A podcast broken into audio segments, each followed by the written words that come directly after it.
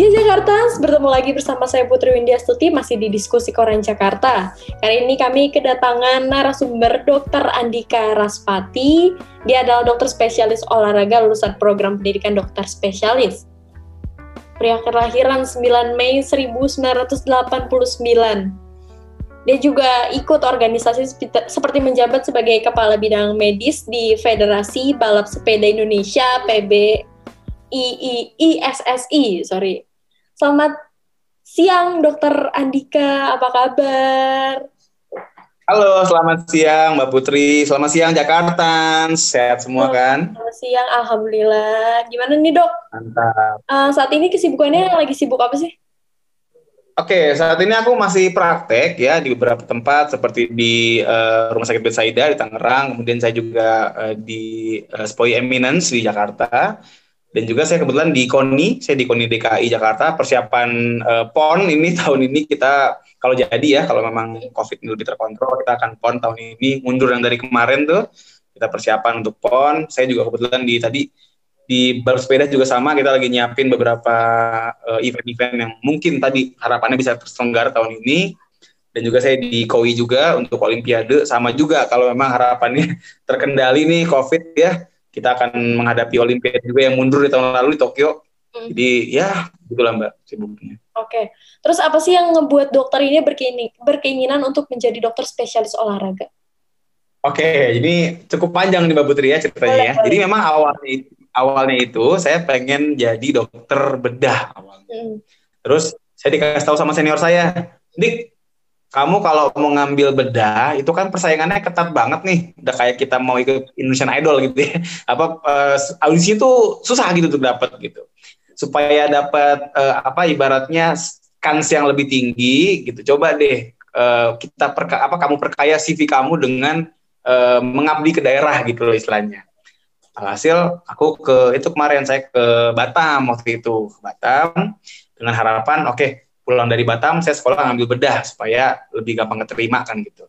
Eh rupanya di Batam itu ya waktu itu lagi bikin uh, program dokter keluarga namanya waktu itu. Hmm. Nah dokter keluarga ini tugasnya bukan kayak kita cuma di rumah sakit apa di puskesmas itu enggak, tapi kita mesti ke rumah-rumah tuh kunjungan-kunjungan ke rumah, bikin penyuluhan warga-warga, ngumpul sama ibu-ibu posyandu, pokoknya gitu deh kita hangout hangout berfaedah lah Kita ngomongin soal uh, kesehatan gitu kan, edukasi. Hmm. Di situ saya ngerasa happy gitu. Ih, seneng ya, gitu. saya paling paling happy tuh kalau disuruh e, dokter Dika hari ini tugas di posyandu ya, e, ngebina ibu-ibu. Wah, udah paling seneng deh, asli.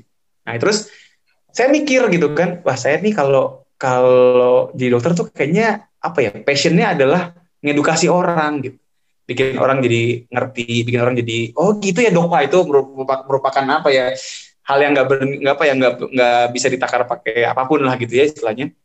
Dan saya mikir kalau saya jadi dokter bedah nanti saya dapat kesempatan buat ini nggak ya? Karena kan saya pasti bakal sibuk tuh di ruang operasi ya kan? Kita ngoperasi pasien gitu kan? Pasien juga pasti banyak dan ada kesempatan nggak ya untuk edukasi panjang lebar kayak begini kok susah gitu kayaknya nah terus saya tiba-tiba dapat uh, ini dapat apa namanya uh, informasi lah gitu ya bahwa ada spesialis yang namanya spesialis kedokteran olahraga atau SPKO. Awalnya juga saya mikir, ah, apaan tuh gitu kan, nggak tahu ya gitu. Dengar ada gelar SPKO gitu kan, KO apa, knockout saya tahunya gitu, tinju KO. Tapi kalau SPKO olahraga, kok baru dengar. Akhirnya saya pelajarin tuh, saya pelajarin, saya ikut seminarnya, bahkan juga pernah di situ. Di, sampai saya rela ibaratnya Batam Jakarta PP cuma buat seminar itu doang karena penasaran kayak apa. Dan di situ rupanya benar gitu. SPKO itu adalah suatu profesi dokter yang masih masih jarang satu, tapi eh, apa ya? Banyak banget ilmu-ilmu yang bisa kita pakai buat edukasi ke masyarakat gitu. Ngomongin gaya hidup sehat, gimana sih olahraga yang benar dok gitu gimana sih kita kalau nyapu ngepel itu sama aja kayak olahraga apa bukan nah itu kan juga pertanyaan yang banyak ketemu pas saya lagi jadi dokter keluarga gitu kan banyak ibu-ibu posyandu dok saya emang nggak perlu olahraga udah nyapu ngepel di rumah gitu kan. Nah itu kejawab tuh pas saya pas saya sekolah kejawab tuh pertanyaan-pertanyaan kayak begitu gitu kan. Dan uh, apa namanya itu yang membuat saya kayak wah kok seru nih. Ditambah saya kan dulu suka nonton bola ya suka nonton bola. Saya supporter timnas gitu kan. Mhm. kemudian uh, badminton juga sama gitu. Nah itu uh, saya bayangin kalau saya jadi olahraga saya bakal bisa uh, ibaratnya ngedampingin atlet gitu kan. Berjuang ke negara orang buat mem, apa ya mem, mengangkat harkat martabat bangsa bikin bendera kita dikibarkan di sana bikin lagu kita diputar di sana lagu kebangsaan Indonesia Raya diputar. Itu menurut saya wah gila kalau gue sampai bisa dapat kesempatan kayak gitu tuh priceless banget gitu. Dan ya udah akhirnya ngambil SPKO dan alhamdulillah ya ya itu saya dapat kesempatan buat mendampingin timnas sampai uh, luar negeri untuk berbawa nama bangsa. Saya juga alhamdulillah dapat kesempatan buat mengedukasi uh, masyarakat gitu ya untuk gaya hidup sehat dan ya di sinilah saya sekarang gitu mbak. Gitu. Boleh nggak diceritain susah sedihnya selama jadi dokter spesialis olahraga nih? Oke, okay. uh, eh, kalau kalau susah sedihnya doang nih yang diceritain. susah senangnya kali. Ceritain. Uh, Oke. Okay.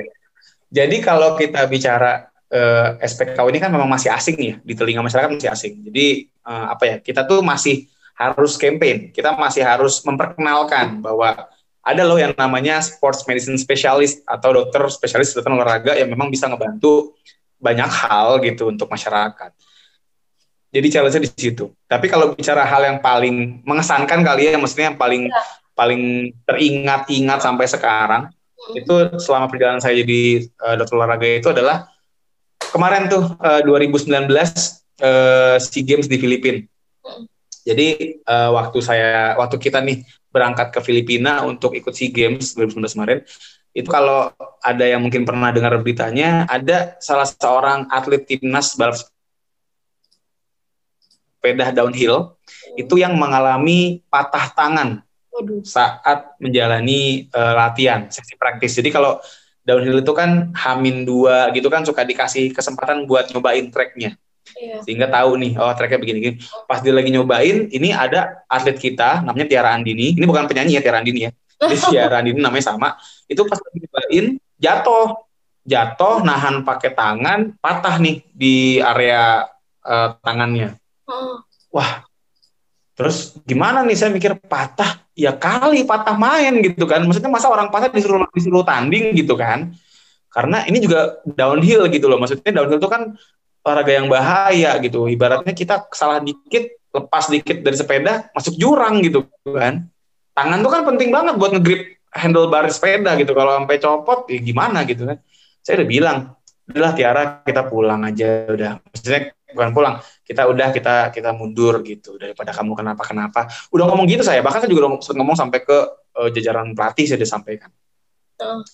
tapi tiba-tiba Tiara ngomong gini dok saya udah di medan perang dan saya ingin berjuang sampai titik darah penghabisan dia ngomong gitu ingat banget tata katanya tuh kayak gitu kurang lebih Wah kaget dong saya bilang, wah Tiara bahaya loh. Jelasin bahayanya apa gitu kan sampai bisa bilang ya apa nyampe bisa fatal lah gitu kan kalau sampai dia jatuh gitu. Cuman dia bilang, saya udah nyiapin ini udah berapa lama dok. Saya udah mempersiapkan hari ini gitu. Dan saya nggak mau mundur. Waduh. Ya udah, mau gimana orang yang tetap mau maksa main gitu kan? Kan saya nggak mungkin juga kan. Ibaratnya meskipun saya nggak ngasih, tetap aja dia pasti main gitu. Apalagi emang kalau pelatihnya juga ngizinin gitu dan melihat semangat yang luar biasa kayak gini pelatih pun juga hmm. dok nggak bisa coba dulu apa gitu kan ya udah akhirnya saat itu saya bilang ya udah oke okay. ya udah oke okay. uh, eh, saya akan uh, lakukan apa yang kita bisa jadi benar-benar tuh ya yang namanya tiara tuh kita kasih bebat kita fiksasi gitu kan pakai uh, jari sebelahnya gitu untuk supaya nggak uh, sampai tulangnya ngeplek-ngeplek gitu istilahnya ya. kita kasih obat penahan nyeri kita kasih segala macam deh pokoknya metode yang kita punya untuk ngurangin sakit dia untuk dia bisa pegangan uh, sepeda itu selama beberapa menit gitu kan. Downhill kan cepet ya nggak gitu lama. Nah terus uh, apa namanya hari haknya wah deg-degan kan. Udah gimana nih jangan sampai kenapa kenapa gitu kan tiaranya saya untuk bayanginnya udah yang penting finish lah udah gitu. Yang penting finish selamat dia pulang ke Jakarta operasi gitu. Dulu bayangannya udah kayak gitu aja udah kan. Sudah akhirnya dia tanding dan dapat medali silver dong. Medali oh. perak. Itu jadi keren, saya kayak waduh. Iya dan apa ya hal yang paling saya bikin happy adalah ya saya uh, tiaranya itu gitu. Ibaratnya dok ini ini karena dokter Dika juga nih saya dapat medali ini gitu. Ibaratnya ini, sampai dia ngomong ini medalinya uh, berdua nih dokter Dika sama Tiara gitu ibaratnya. Yeah. karena ya ya apa meskipun yang berjuang dia ya saya cuma support doang gitu kan. Cuman karena memang ada event itu ada kejadian itu gitu kan. Uh, apa namanya ya sampai orang ngomong gitu gitu. Dan itu membuat saya kayak ini loh yang gue cari dulu yang bikin gue masuk sini tuh ini gitu. Jadi ya itulah yang aku rasakan sebagai kenapa dulu aku ngambil olahraga ya karena itu gitu. Di mana aku bisa ngebantu seorang atlet mengharumkan nama bangsa dapat medali gitu jadi intinya uh, apa ya ya happy lah gitu bisa bisa bisa ada di posisi itu dan ya itu yang membuatku jadi apa ya mensyukuri lah aku ada di jalur ini gitu. Gak nyesel gitu istilahnya. Iya. gitu. momen banget tuh ya pasti bakal terngiang-ngiang lah. Sampai kapan pun. Oke dok. Di tengah pandemi covid-19 ini kita tahu kita dan kita apa namanya nggak tahu nih kapan nih masa ini tuh bakal berakhir gitu loh kan Terus uh, aku nanya nih, gimana sih cara aman untuk berolahraga di masa pandemi saat ini? Oke, okay, oke. Okay. Jadi sih dia gini, kalau kita bicara olahraga di era pandemi itu ada dua hal yang perlu kita perhatiin, Mbak Putri dan semuanya. Uh, kalau kita bicara dari uh, safety, maka ada dua dua aspek safety. Yang pertama adalah aspek secara general, secara umum. Ini berlaku baik di era pandemi maupun nggak pandemi. Contohnya apa? Yang paling sering saya sampaikan adalah bagaimana kita bisa mengenali diri kita itu gimana.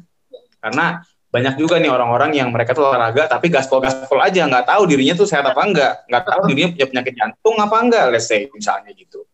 Ada juga orang yang baru mau mulai langsung pengen ngotot sama kayak orang-orang yang udah mulai udah mulai bertahun-tahun. Jadi contoh kayak misalnya orang baru beli sepeda gitu, orang baru beli sepeda gitu kan, sepedanya masih bau pabrik istilahnya, masih di masih iya plastiknya tuh masih ada tuh belum copot tuh label harganya apa segala macam belum dilepas nah itu pengen langsung kayak temennya yang udah sepedahan keluar kota gitu kan -uh. ya jangan dulu gitu yang ada ntar dia malah di tengah jalan kenapa kenapa gitu makanya coba dulu ya sekedar gue gue centil dulu aja keliling kompleks sambil godain tetangga gitu kan jadi jangan jangan langsung pengen jauh-jauh dulu gitu.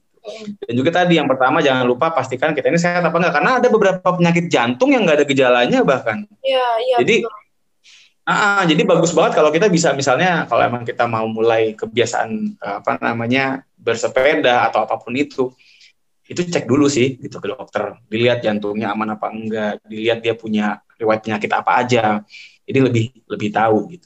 Nah ini safety dari segi yang general gitu ya, safety dari segi yang umum. Kalau bicara safety dari segi pandemi, nah kita lagi-lagi ngomongin protokol. Protokolnya apa aja? Sebenarnya 11 12 sama ya, ya 3M yang selama ini kita gencarkan. Hmm. Kita bicaranya jaga jarak, kita bicaranya uh, cuci tangan, kita bicaranya pakai masker ya. Hmm. Jaga jarak, cuci tangan, pakai masker. 3M itu M mana ya? menjaga jarak sama memakai masker gitu. Masker. nah, jadi Cuma gini banyak orang yang uh, bingung kan gitu, dok, bukan olahraga pakai masker nggak boleh gitu. Mm. Jadi sebenarnya kalau olahraga pakai masker itu boleh, cuman memang gini harus disesuaikan intensitasnya. Jangan sampai kita baru mulai olahraga pakai masker ngotot gitu langsung mau coba kayak biasanya ntar dulu karena tubuh ya. pasti akan kaget awal-awal pakai masker pasti bakal kaget lah ya, namanya biasa napas napas bebas ini kok sekarang disarungin mulutnya gitu kan jadi Nah, kita perlu kasih waktu buat badan untuk tubuh supaya beradaptasi dulu. Nanti pasti pelan-pelan bisa tuh dia bakal bakal ngimbangin gitu. Nah, selama tubuh masih beradaptasi, kita main santai aja dulu. Contoh gini, kita bisa lari kalau kita pakai masker mungkin ya nggak jangan ngebut-ngebut dulu larinya, tapi mungkin jogging dulu atau bahkan jalan cepet dulu misalnya, yeah. biar terbiasa. Mm. Terus juga jaga jarak, ini juga penting banget nih ya, bahwa kita sekarang memang di era pandemi ini sebisa mungkin nggak bergerombol sebenarnya olahraganya. Kalau yeah. bisa kita olahraganya sendiri bahkan. Oh. Terutama eh terutama kecuali kalau misalnya memang orang ini ada penyakit atau ada resiko. Contoh gini. Misalnya orang yang memang dia punya riwayat serangan jantung, misalnya dia punya riwayat serangan jantung kan bukan nggak boleh olahraga, boleh aja dong. Orang ya. kalau misalnya pernah kena serangan jantung, tapi sudah terkontrol, sudah apa namanya sudah minum obat dengan baik dan segala macam, lifestyle juga sudah bagus, kan boleh-boleh aja kalau dia mau olahraga sebenarnya, termasuk ya. jogging gitu misalnya, atau sepedahan misalnya. Tapi memang termonitor gitu kan, nadinya mesti dia pantau apa segala macam. Nah kalau yang kayak gini memang baiknya jangan sendirian memang, tapi ada yang ngawasin, ada yang ada yang nemenin lah. Jadi kalau ada apa-apa di jalan, ada yang ngebantu, ada yang nolongin gitu. Iya. Cuman ngawasinnya juga jangan satu RT di bawah gitu. Jangan jadi kayak kotes saya bilangnya jangan kayak anak STM mau tawuran gitu ya. Atau kayak rombongan besan bawa seserahan jangan juga. Jadi berdua bertiga gitu cukup.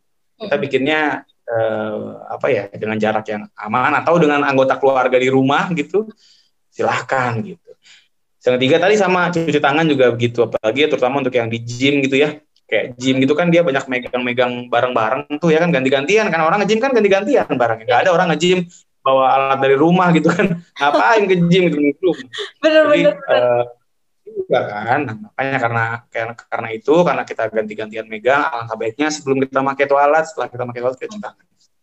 Gitu. Terus kalau untuk jenis masker yang bagus buat olahraga tuh biasanya yang kayak gimana sih dok? Hmm.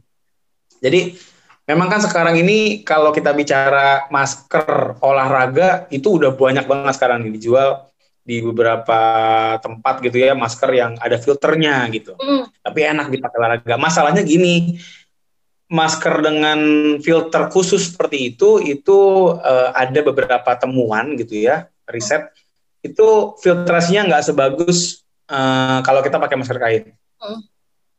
Atau pakai masker apalagi masker yang medis gitu ya.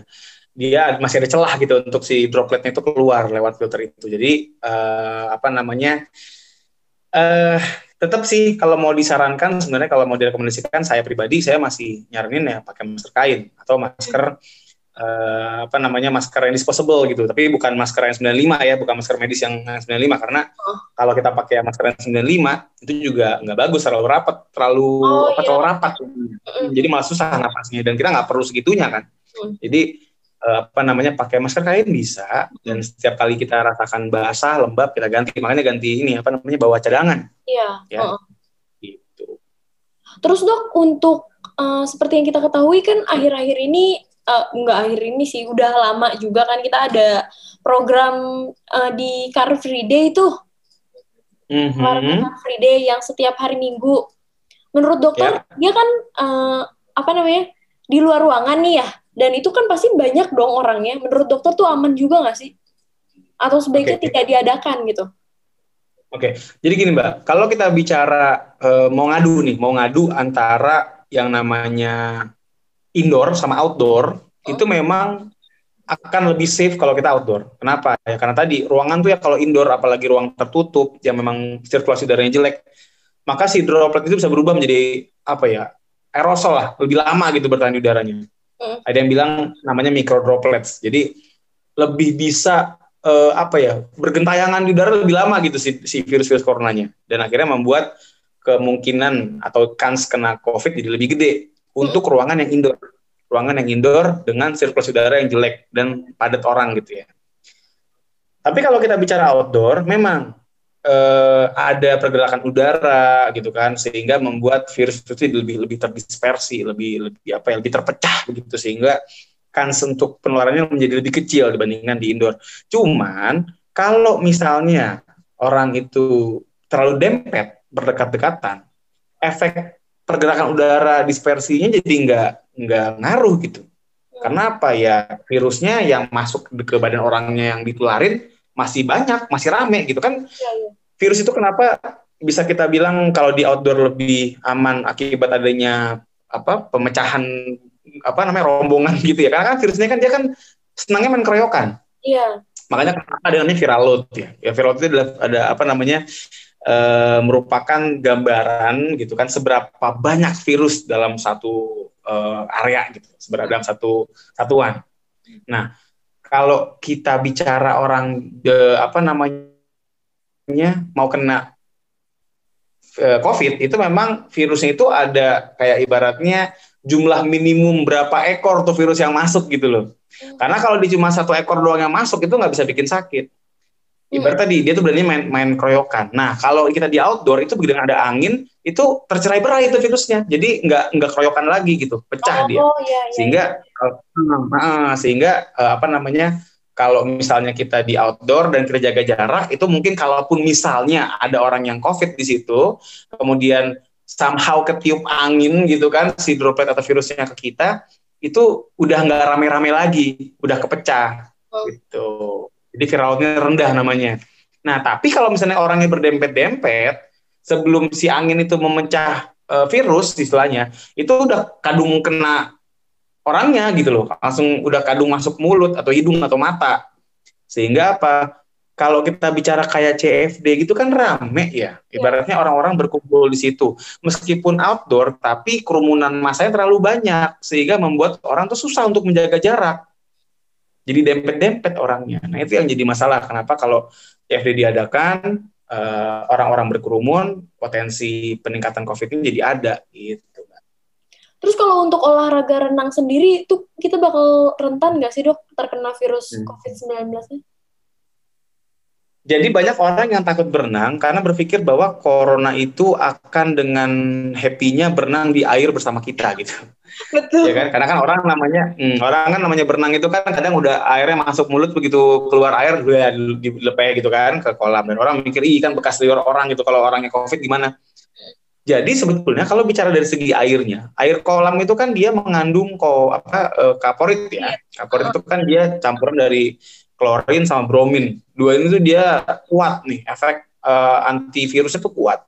Dan kalau kita lihat dari konsentrasi kaporit itu juga sebenarnya konsentrasi umum kaporit di air kolam renang itu sudah di atasnya yang dibutuhin sebenarnya untuk bisa ngebunuh virus. Mm. Jadi sebenarnya kalau kita bicara dari airnya, itu COVID-nya nggak bakal bisa coronanya berenang-berenang gitu kan memang corona nggak punya sirip ya jadi nggak bisa berenang dan dia juga nggak beli tiket jadi nggak boleh berenang jadi uh, intinya dari segi airnya itu nggak nggak ada coronanya sebenarnya jadi nggak usah takut cuman gini orang kalau misalnya berenang itu kan dia cenderung berkumpul di satu area ya. yaitu di swimming poolnya di kolamnya gitu kan karena yang namanya orang jauh-jauh dari rumah datang ke kolam itu kan untuk untuk datang nyemplung ke kotak kolam itu gitu. Iya betul. Nggak ada orang ke kolam, datang ke swimming pool sekedar untuk nongkrong di ruang ganti itu nggak ada.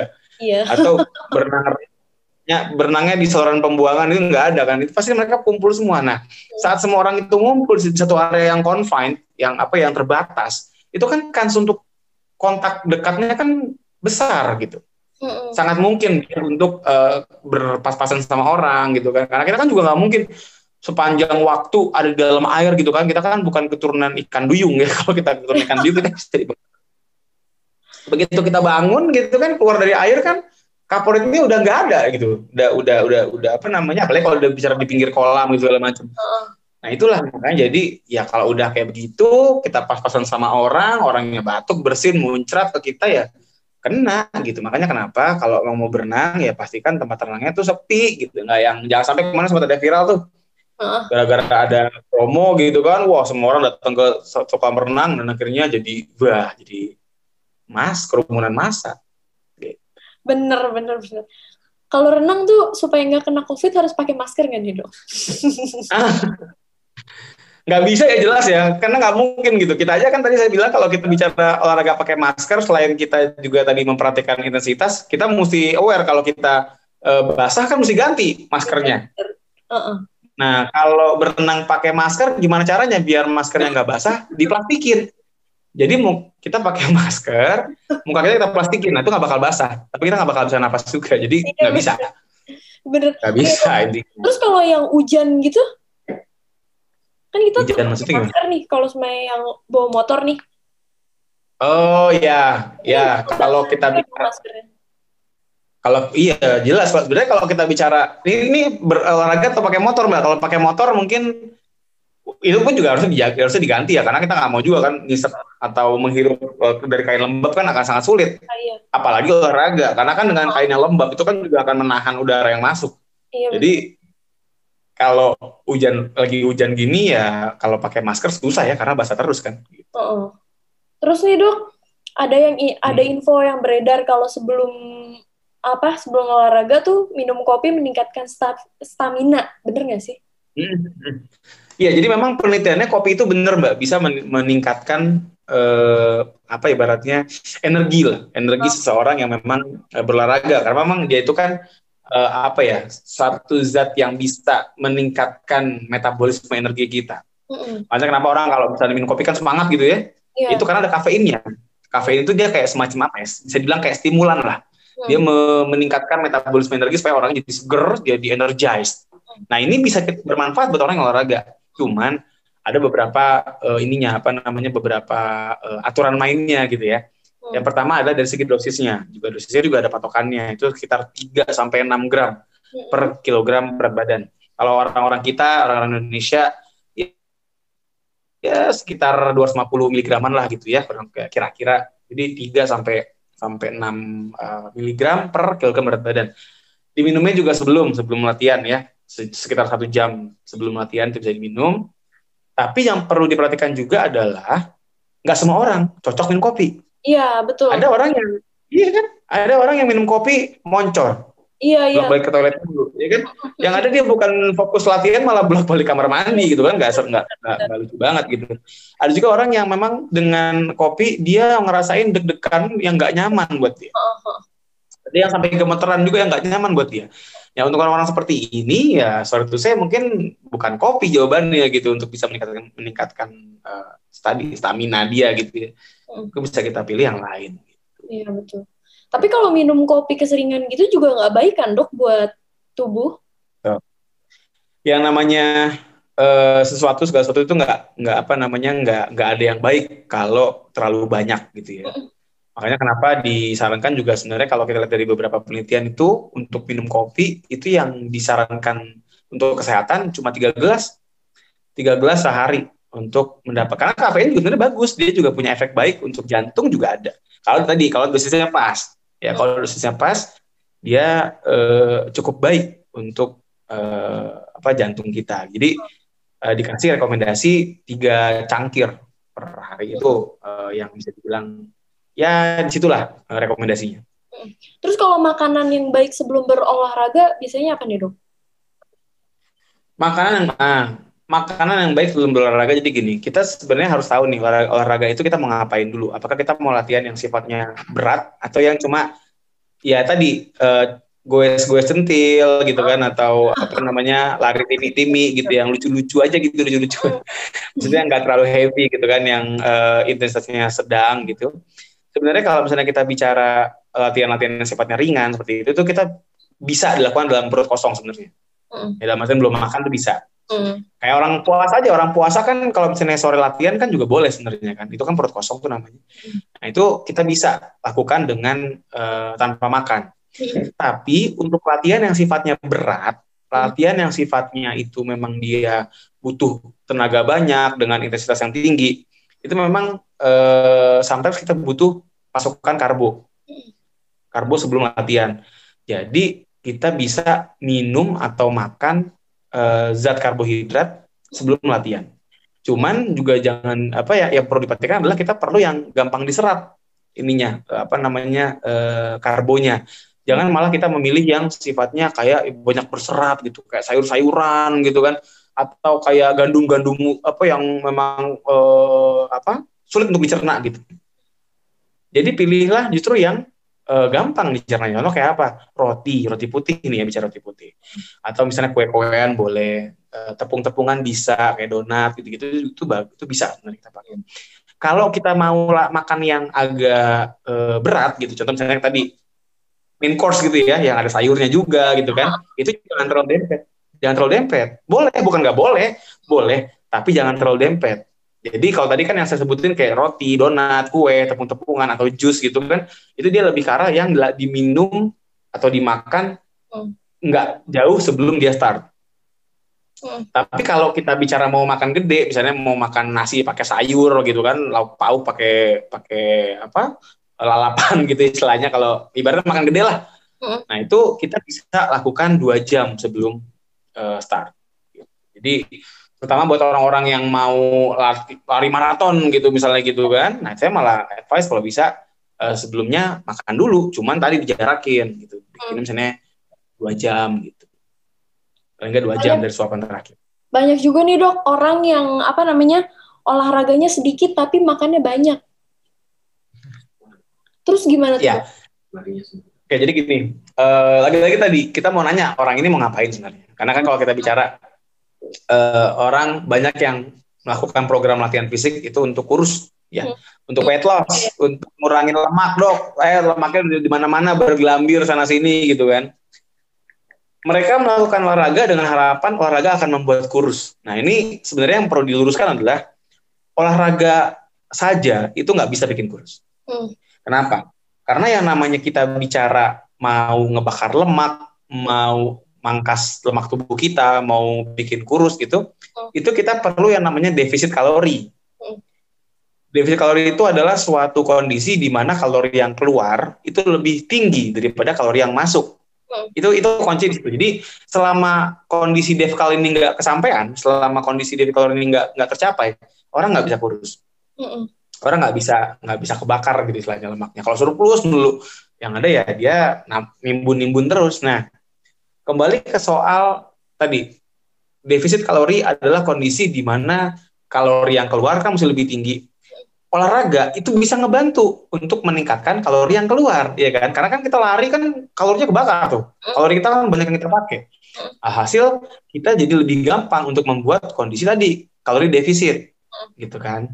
Cuman kalau misalnya kita menambah kalori keluar dengan gerak olahraga, tapi di sisi lain kita juga menambah asupan makanan kita jadi nggak jadi defisit kalori gitu ibaratnya iya. ibaratnya di balapan balapannya itu ke atas gitu kan nah hasil orang-orang yang habis makan itu eh habis latihan suka balas dendam makan banyak iya. susah turunnya iya, karena iya. tadi iya kalori kalori keluarnya naik tapi kalori masuknya naik lagi lebih banyak lagi malah jadi surplus yang ada oh. yang ada malah tambah gemuk gitu iya. jadi uh, itu mesti diingat bahwa yang namanya orang mau kurus orang mau uh, weight loss atau mau fat loss itu adalah keseimbangan kalorinya yang harus dijaga.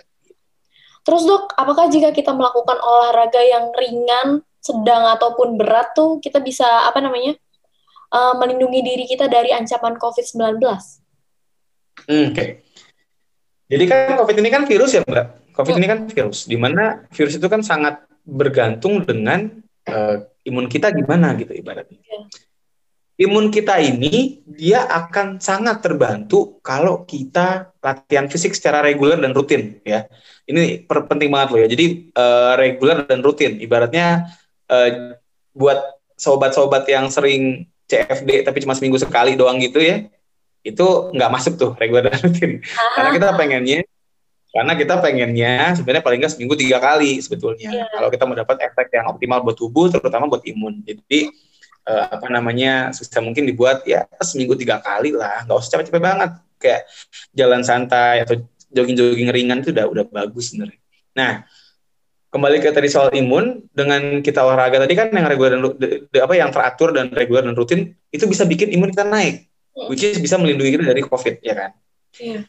masalahnya adalah kalau latihan terlalu berat itu justru sebaliknya bisa bikin imun jadi drop Apalagi kalau latihan itu tidak diimbangi dengan recovery yang baik, tidurnya kurang, makannya kurang. Yang ada olahraganya itu malah merusak imunnya dia. Hmm, Jadi memang kita anjurkan sekarang di era COVID ini kita bisa bikin olahraga nggak usah terlalu ngotot lah. Bikin yang santai-santai aja, yang ringan-ringan, tapi dibikin tadi rutin dan reguler. Itu justru yang bisa bikin imun jadi naik. Kalau kita gaspol ngotot lari jauh-jauh, sampai ngos-ngosan banget sampai tepar gitu kan, yang ada imunnya ikut tepar. Iya. Jadi jangan kalau berlebihan juga. Terus untuk waktu olahraganya sendiri nih, kalau olahraga hmm. malam tuh dok, hmm. apakah itu bisa buat kesehatan kita? Eh, apakah itu baik juga buat kesehatan kita? Kan ada nih okay. olah, orang olahraga pagi, sore, malam gitu. Hmm. Ya, ya, iya. Jadi kita kalau bicara olahraga eh, kapan bagusnya pagi apa malam, huh? saya pribadi jelas akan jawab itu pagi yang paling bagus. Kenapa? Olahraga pagi itu yang pertama kita dapat udara masih enak ya kan. Kalau malam tuh kan cenderung orang pulang kantor semua kenal pot, asap nafas segala macam kan gak enak ya gitu nah banyak polusi juga gitu kan. Tapi kalau kita pagi-pagi sebelum orang mulai aktif itu kan udara masih seger dan enak. Yang kedua belum bicara sinar matahari itu mbak. Mataharinya lebih apa ada kan gitu apa namanya kita kan nggak bisa mengaktifkan vitamin D dengan cahaya rembulan ya. Jadi kita pakai cahaya matahari. Makanya kenapa pagi itu efeknya untuk aktivasi vitamin D bagus banget. Dan yang ketiga adalah kita juga dapat manfaat kalau uh, kita olahraga itu otak kita lebih fresh biasanya. Otak kita lebih fresh, otak kita lebih seger gitu sehingga uh, begitu kita kerja gitu kan di aktivitas harian kita tuh lebih lebih apa ya lebih enak lah gitu lebih enak otaknya dibawa kerja tuh lebih asik iya nah kalau bicaranya dari segi malam gitu. Gimana orang olahraga malam? Itu banyak banget orang-orang yang memang terpaksa malam itu. Kenapa? Karena memang dia eh, paginya nggak sempet gitu. Paginya dia kerja harus berangkat subuh-subuh misalnya gitu kan. Itu kan ya mau latihan jam berapa? Masih jam 3 pagi gitu kan latihannya kan nggak mungkin. Terpaksa dibikin malam. Nah, yang harus diingat adalah kalau olahraganya malam itu jangan sampai mengganggu jam tidur.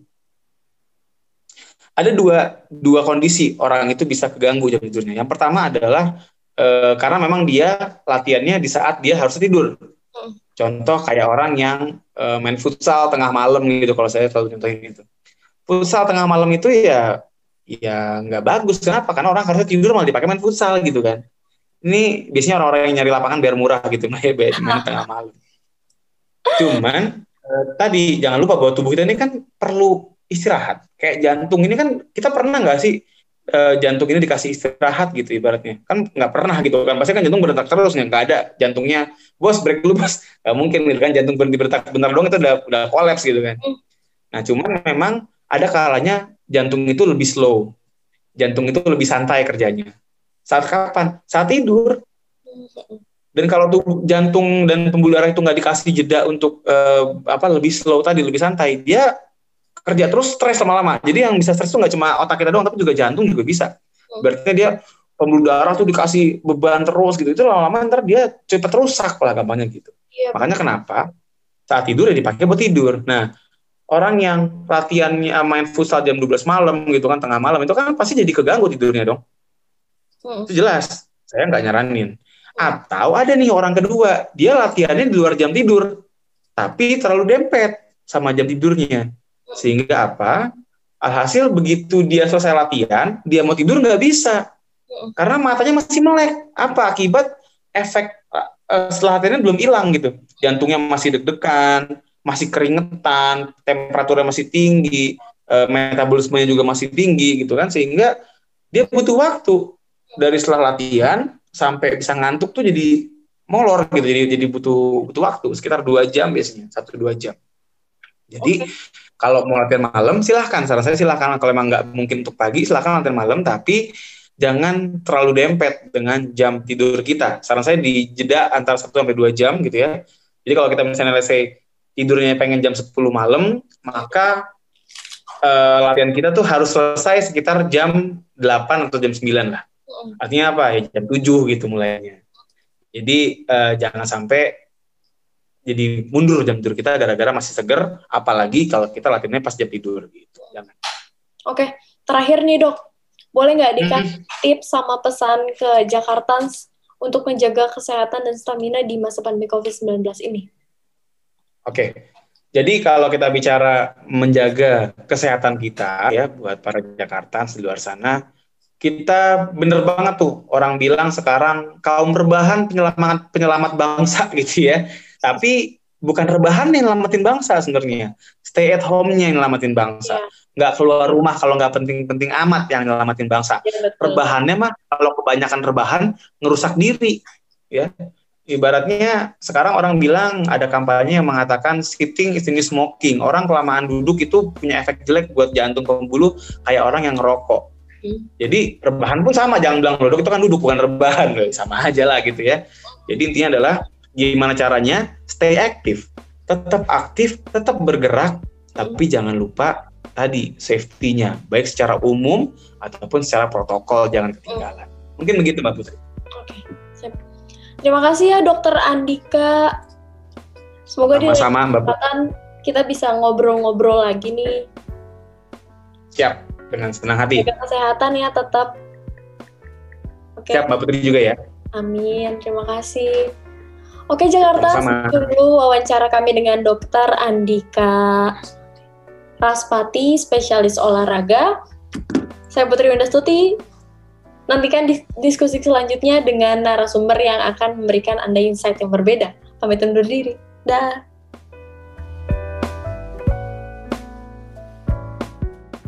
Halo Jakarta, jangan lupa dengerin podcast diskusi Koran Jakarta hanya di Spotify.